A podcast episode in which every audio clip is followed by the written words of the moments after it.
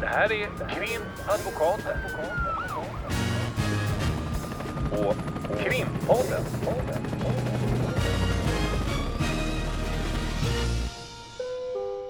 Parter och ombud kallas till sal 32. Hej Lotta! Hej Ulrika. Idag ska vi fortsätta med vår serie En vanlig dag på jobbet. Och idag har vi nöjet att faktiskt ha en åklagare på besök och du får gärna presentera dig själv. Ja, vice chefsåklagare Anna Svedin. Välkommen hit. Tack. Då börjar vi med den frågan. En vanlig dag på jobbet. Beskriv lite eh, vad du gör eh, rent generellt om vi inleder med det. Nu är ju jag vice chefsåklagare vilket betyder att jag har personalansvar. Jag är chef för eh, de nya åklagarna på eh, Södra åklagarkammaren i Stockholm vilket är ett fantastiskt jobb. Men det kanske inte är så intressant för eh, de som lyssnar på den här podden. De vill nog mer veta vad en operativ åklagare gör. Så att då kan jag ta en vanlig dag för en operativ åklagare. Det blir jättebra. Bra. Och det som är grejen med åklagaryrket att det finns inga vanliga dagar för att eh, det är en del av tjusningen med jobbet. Du kan ha en plan på morgonen att du tänker idag ska jag eh, förbereda en förhandling som jag ska ha om två dagar och så kommer du in på morgonen och så står din chef där och säger så här hej vi har fått in ett mord kan du ta det? Och då får du bara ändra hela din dag och gå in, kanske gå till polisen, vara med på utsättningsmöten och så vidare. Så att det är ett väldigt eh, ombytligt yrke. N- när man gör den bedömningen då, du säger att din chef kommer in och säger nu, nu får du göra det här Mm. och du kanske hade planerat ditt mål som du har jobbat med länge och, och Mm. varit väldigt involverad i. Finns det något utrymme för att man säger nej, jag tycker inte att det är riktigt lämpligt. Det här är, det är svårt för en annan åklagare att sätta sig in i alla detaljer här. Jag vill nog köra det här. Ja, nu är ju jag chef så nu vet ju jag när man, hur jag fördelar och det är klart att jag lyssnar alltid, dels när man, man fördelar ärenden så tittar man ju på, ska den här personen vara i rätten, hur många ärenden har den och så vidare. Men som läget är nu på vår åklagarkammare så ska jag väl säga att de seniora åklagarna, de är ju förundersökningsledare i kanske tre, fyra mord var. Så vi har inte så mycket marginaler. Eh, det är ett väldigt tufft arbetsläge. Ehm, så att man försöker lyssna och man försöker stötta och, och finnas där men, men det, är, det är väldigt många frihetsberövade och väldigt få seniora åklagare. Men det finns absolut utrymme, det gör det. Kan man säga nu när du är inne på det också, eh, samhällsutvecklingen som skildras eh, både i medierna och som ju vi inom rättsväsendet känner till på olika sätt. Har det påverkat en åklagares vardag skulle du säga med, just som du säger, det är många frihetsberövande och så. Är arbetssituationen annorlunda på något sätt från, säg, fem år sedan? Ja, men jag började jobba som åklagare, då jobbade jag på Södertörn. Det är ju samma åklagare som jag jobbar på nu fast vi har slått ihop med en åklagarkammare eh, som heter Söderort också. Eh, jag började där 2010 och sen jobbade jag hos Riksåklagaren lite. Sen jobbade jag på RIO som jobbar med internationell organiserad brottslighet och då jobbade jag flera, det var, blev totalt tre år med ett stort ärende, eh, heroin och kokainsmuggling. Och sen kom jag tillbaka som vicechef till Södertörn först då. Och när jag hade jobbat där i några veckor så sa jag till de andra att ni, ni är ju helt normaliserade. För den utveckling, eh, jag hade ju varit borta från det och jobbat med mer internationella ärenden och jag blev chockad när jag kom tillbaka till kammaren eh, av hela den samhällsutveckling som har varit, vilket hårt tryck det var på åklagarna där. Och jag tror att det, det är en förskjutning som liksom har liksom skett ganska långsamt så jag tror att de själva kanske inte har upplevt hur hur mycket de får slita och jobba och det tror jag även gäller domstolarna att, att det har blivit mycket, mycket tuffare. Och när du menar tuffare, är det både arbetstidsmässigt och förhållandena i övrigt eller? Ja, men, ja, det är nog allting. Alltså en, en åklagare är ju statligt anställd. Eh, en advokat jobbar ju för sig själv. Man får ju betalt för liksom det här. Men, vi har oreglerad arbetstid som åklagare. Och har du väldigt stora förundersökningar så vet du att allting hänger på dig eh, om en utredning kommer bli bra eller inte. Och då kan inte du säga klockan fyra att nu vill jag gå hem. Eller om du har en stor rättegång som pågår. Du kan inte bara sluta jobba. Um, så att det gör väl att många, och många åklagare drivs ju också av att man vill, man, man vill eh, förändra, man vill göra rätt liksom. Man vill kunna ja, hitta sanningen och, och, och så få, alltså hitta vad har hänt i, i det här fallet. Ehm, så det är ju ett, ett jobb som man blir väldigt lätt konsumerad av det liksom för att man, man tycker att det är spännande och så. Men det har ju ibland ett pris också att man, många jobbar väldigt, väldigt mycket, otroligt lojala. Mm. Faktiskt. Ja.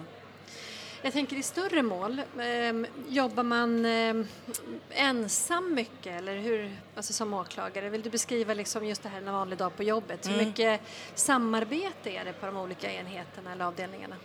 Nej, men det som är fantastiskt kul med åklagarjobbet det är att eh, det, det, är, jag tycker det är otroligt högt i tak. Man kan gå in till egentligen vem som helst.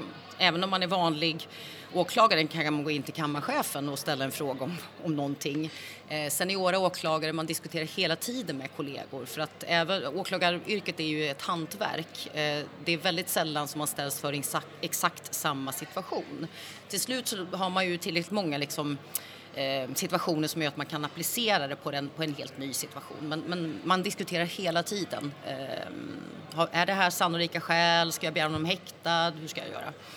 Ehm, och vad gäller om man är en eller flera, nu är det ju så tyvärr att i många fall borde man vara flera, både av säkerhetsskäl och av, av andra skäl. Skulle någon bli sjuk så, så kan någon annan steppa in.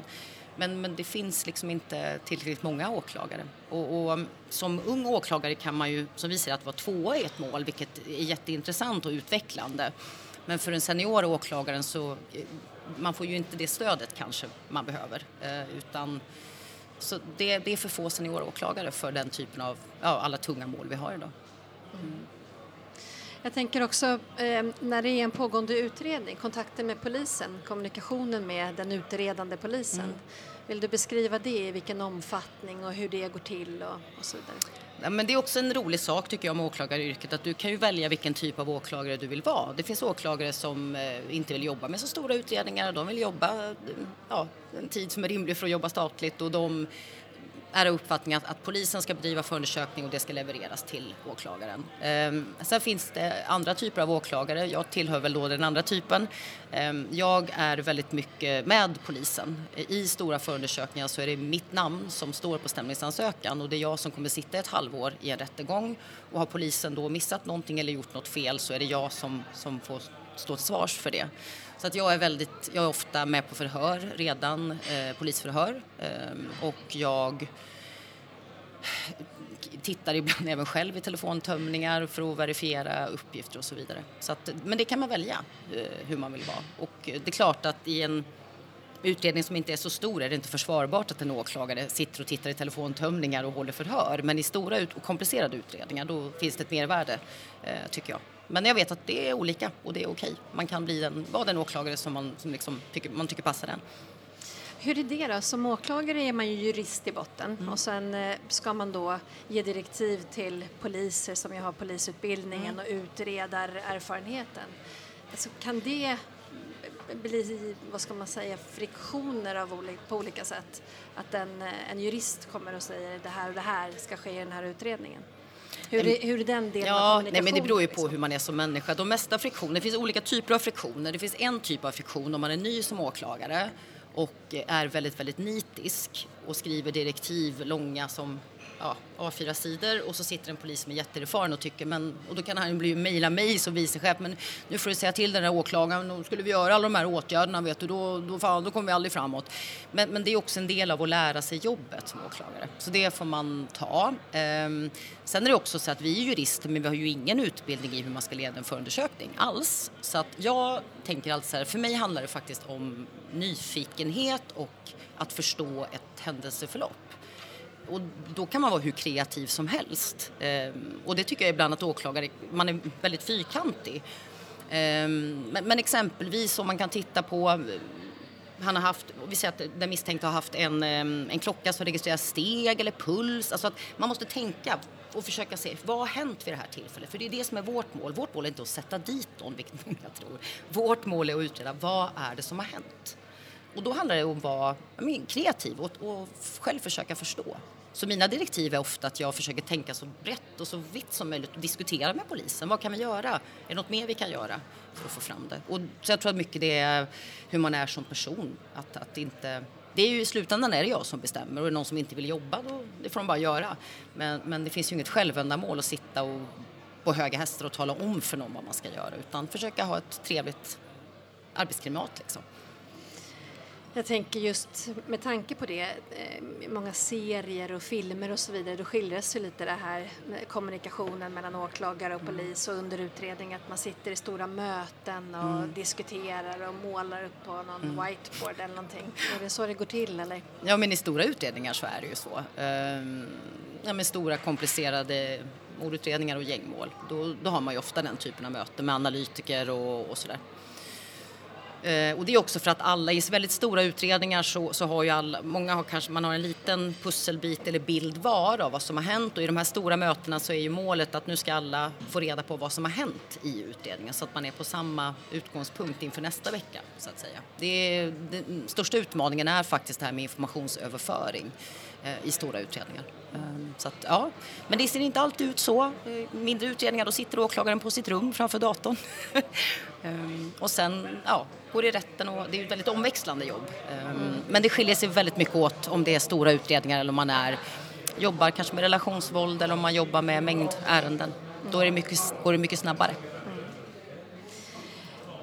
Och om man har, nu förstår jag ju om det är de här jättestora målen att det kan vara svårt att ha andra pågående mål antar jag i alla fall. Men, men annars har man som åklagare eh, många mål samtidigt eller hur ser det ut?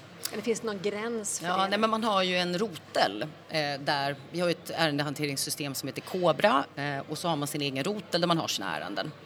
Och jag vet att när jag började som, eller jag hade jobbat kanske någon, typ två, tre år som åklagare och då jobbade jag med relationsvåld, tror jag att jag hade 90 pågående förundersökningar. Ehm, och eh, sen lyckades man ehm, på ett förtjänstfullt sätt styra upp eh, ärendehanteringen av relationsvåld i, eh, i södra Stockholm så att då blev det betydligt mindre.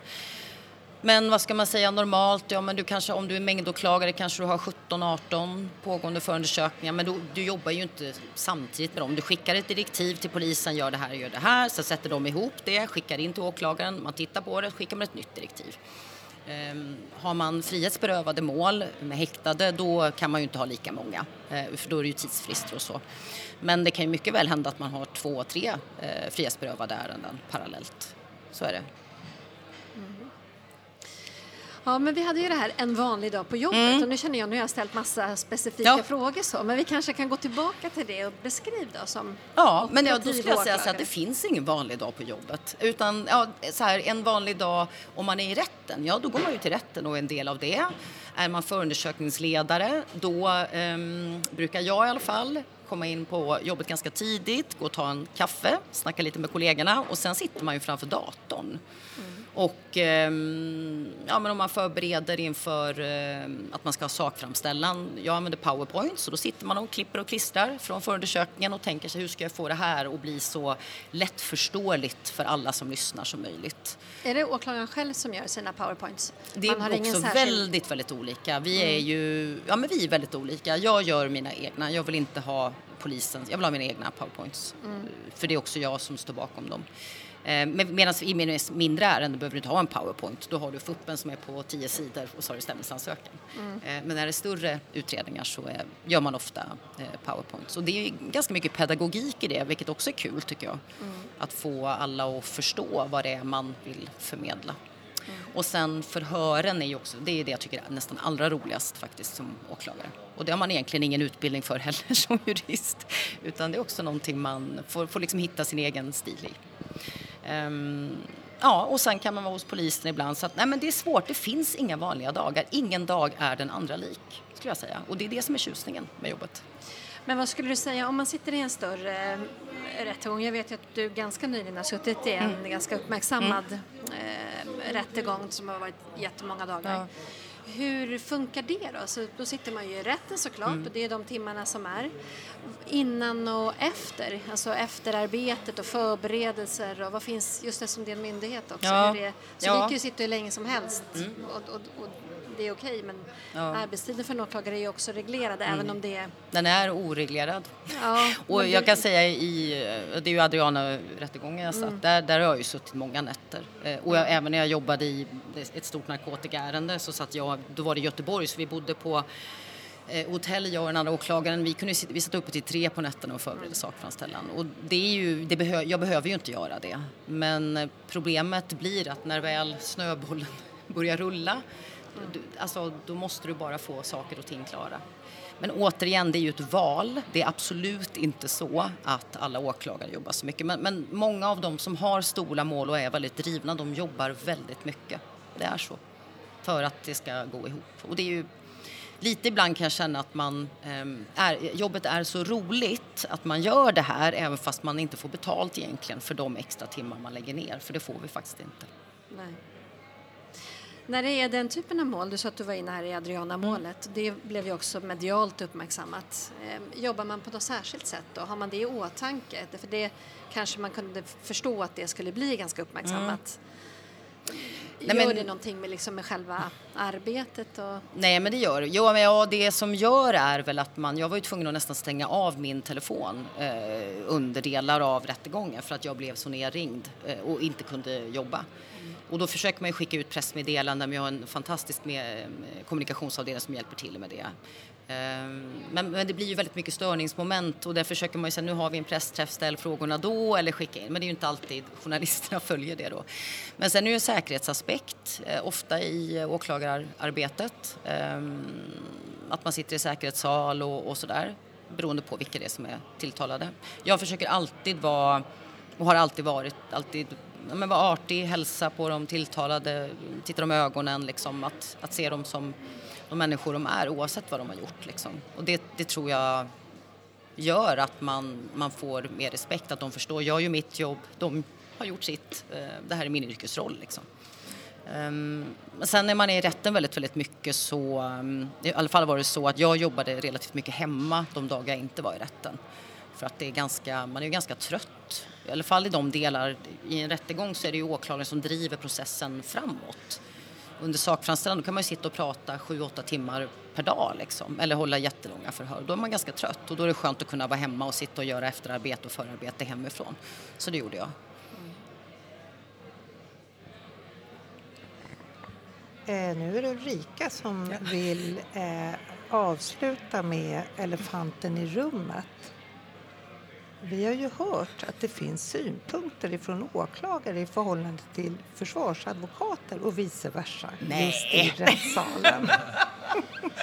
Vad har du för kommentar på, på det? Jag kan säga att jag har upplevt när jag har varit i, i huvudförhandlingar att det, när det är flera advokater att det kan ha blivit tjafsigt.